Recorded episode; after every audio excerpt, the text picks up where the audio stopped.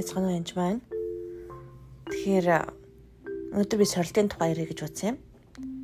Аа зарим хүмүүс бурхан намайг сорж гин ингэж тэгж ингэж ярьдаг л да. Тэгээ сордож байгааг нь харахаар дандаа бузар муугаар сордож байгаа харагддаг. Ер нь Иесусыг сорж байсныг харахад одоо өөрийнх нь зорилгоос холдуулах гэж аа сорьсон байдаг. Бид нар сорилтонд ордгоо ордог л доо. Гэхдээ бузар муу сордог нь бурхан биш гэдэгт би баттай хэлмээр байна. Яагаад вэ гэж юу? Яагаад вэ гэвэл Библиэлд бичигдсэн байгаа учраас. Библиэлд бичигдсэн байгаа юм дээр бурхан эзэж улаан хэлэхгүй. Тэгэхээр Матай 6:13 дээр бурхан Иесус хэлсэн байна. Биднийг цорилтонд буугаар улаач гэж. Харин бузар муугаас гэтлгээч гэж залбираа гэж хэлсэн байна. Яаж залбирахыг зааж өгөхдөө тэгж хэлсэн байна. Тэгэхээр бузар бидний бузар сорилтонд бүү оруулаач гэж залбирх хэрэгтэй. Яг бол уг 2:40 хүртэл тэнд ирээд тэр тэдэнд хандаж сорилтонд орохгүй тул та нар залбирцгаа гэж хэлж байгаа. Шавнартаа Иесус сорилтонд орохгүй тулд залбирцгаа гэж хэлж байгаа. Сорилтонд орохгүй тулд залбирцгаа. Тэгэхээр үнэхээр сорилтонд орохгүй тулд залбирцгаах хэрэгтэй. Ихэнх хүмүүс намайг сориоч эзэм минь би лаг мундаг гэж лаг юм ярьдаг л та. Тэгээ тэр нь өөрөө зөв зүйл биш. Тэгэхээр маш болгоомжтой хэрэгтэй. Сорилтыг төсвөрлөдөг хүн мэдээж өрөөлтөө юу өрөөлтөө.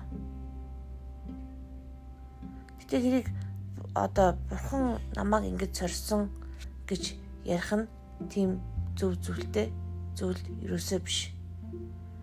За Яков намын 1-ийн 13-аас 18-ыг уншиж өгье л доо. За хинч сордогтой бурхан намайг сорж байна гэж бүх яриг. Учир нь бурхан бузар муугаар сордгоо бөгөөд өөрөө хэнийг сордгоо гэж бичсэн байна. Харин өөрийн хүсэл тачаалтаа автаж уруу татгадах үедээ хүн бүр сорддоо гэж хэлсэн байна. Тэгэхээр бидний амьдралд Үнэхээр гайхамшигтай юм. Сайн сайхан болохын өмнөхөн сорилтууд их орж ирдэг л дээ. Тэгээд тэр тэр нь бузар муугаас сорж байгаа бол уруу татлахтаа одоо коллежд орохоос өмнө харт амхинд ч юм уу, осол аваарт ч юм уу ямар нэгэн байдлаар ингэцгээ тэгцгээ явцгаа ч гэдэг юм уу те нийлээ дөргий а эсвэл нь одоо яг яг жинхэнэ зөв ажилд орох хахад нь өөр нэг ажил санал болгодог ч юм уу яг зөв хүнтэйгээ суух хахад нь өөр нэг яг суухгүй хүн худлаа уруудах гэж оролддог ч юм уу.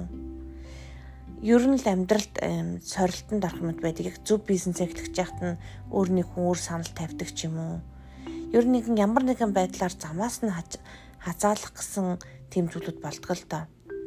Тэгэхээр тэр үед хаанаас ирж байгааг сайн харах хэрэгтэй. Тэр нь бузар муу таны дуудлагаас холдуулах гэж байгаа болвол таны хүсэлд мэдхгүй цанаасаа л нэг л биш санаад байх юм бол эзнээс заавал асуух хэрэгтэй. Тэгээд их их тохиолдолд одоо таныг мөнгөөр хоол орч юм уу мөнгөөр ч юм уу дандаа гим нүгэл дунгаахсан орлоготой байх юм бол бузар зүтгэр байх магадлал үнэхээр их шүү. Яагаад вэ гэх юм бол одоо гэдгийг ингээд тарах юм бол дайтн дээр ч юм уу хийгээд турах гэжсэн чинь нэг хүн хоол сонлголоод болгоод идэг ч юм уу. Энэ бол энгийн зүйл. А гэтэл яг Иесусыг соргодох өчтгөр хамгийн дор хоолоор сордог те. Дараа нь яг ирэх мэдл мөнгөөр сордог. Ингээ өсөрчээж энтер гэдэг те. Янз янзын байдлаар сорж байгаа. Эзэн бурхнаас сорих ёсгүй гэж хэлж байгаа. Үнтэй адилхан бурхан ч гэсэн биднийг бузар муугаар хизээ сордгоо гэж Библиэр бичигдсэн л байгаа л тэр нүнэ гэсэн үг. Тэм учраас намайг эзэн ингэж сорлоо. Чөтгөрийг одоо юу лээ миний нэг найз байсан л да. Хижүүлэгч найз. Тэгээд цаатаа надад ирсэн тэгж ирэх юм бол надад надад ч гэсэн цаатаа иржсэн тохиол байдаг. Чи надад үйлчлээ бойл би чамд цалин амлаж гин. Би чамд эхлээд 100 мянга тэгээ 150 250 өсөөлгөн цалин. Ер нь бол 3 удаа надад ирсэн байдаг сатаа. Аа тэгээд эрэгт олондоо дандаа ажил эсвэл цалин өндөр цалин амладаг. Чи дуртай ажилдаа ор. Чи наад үйлчлэл болчих. Наад хүний чөлөөлөхөө боль гэж нөгөө чөлөөлж исэн хүний амаар 3 удаа 3 та ярьсан байдаг. Зүүдэнд нэг удаа үзэгдсэн байдаг. Маш их айлах гэж оролцсон байдаг. Тэгтэр тэгэхээр юу гэж харж байгаа вэхээр дандаа яг үйлчлэлтэй бойл чамайг 1 градус хазаалахыг хүсэж байна. Эсвэл ямар нэгэн темпташн буюу одоо өндөр цалин амлах ч юм уу ийм ажилд орчооч болчооч гэл тиймэрхүү байдалтай ханддаг л та. Тэгэхээр мэдээж чамд өндөр ажил албан тушаал амлаж байгаа нь бас бурхан байж болох уу мэдээж болно. Болно шүү дээ. Аа тэгэхээр их усүр нь ханаасаа гэдгийг сайн харах хэрэгтэй. Бурхан ч гэсэн чамд алдар нэр мөнгө өгч болно. Жишээлбэл бурхан Соломонд өгсөн шүү дээ алдар нэр мөнгийг. Тэгвэл чамд бурхан алдар нэр мөнгийг чөтгөр амлаж ивэл тэр нь буруу гэсэн үг. Тэгэхээр трийг сайн ялахын тулд та бурхныгаа сайн мэддэг болноо. Ерөөсөөсөө сайн сонсдог болноо гэсэн үг. Тэгэхээр бодор муугаар түүнийг хүнийг сорж байгаа нь бурхан биш гэдгийг ерөөсөө мартаж болохгүй шүү.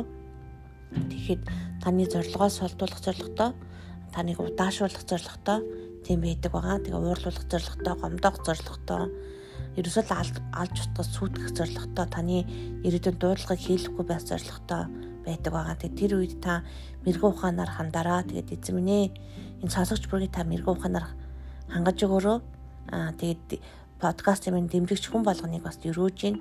Назарын Есүсэнтэй тарьсан үр болгоно нь 30 60 100 дахин үржих болтугай гэж хэлж байна. Тэгээд мэдээ сонсогч нэгэн болгон өрөөддөг.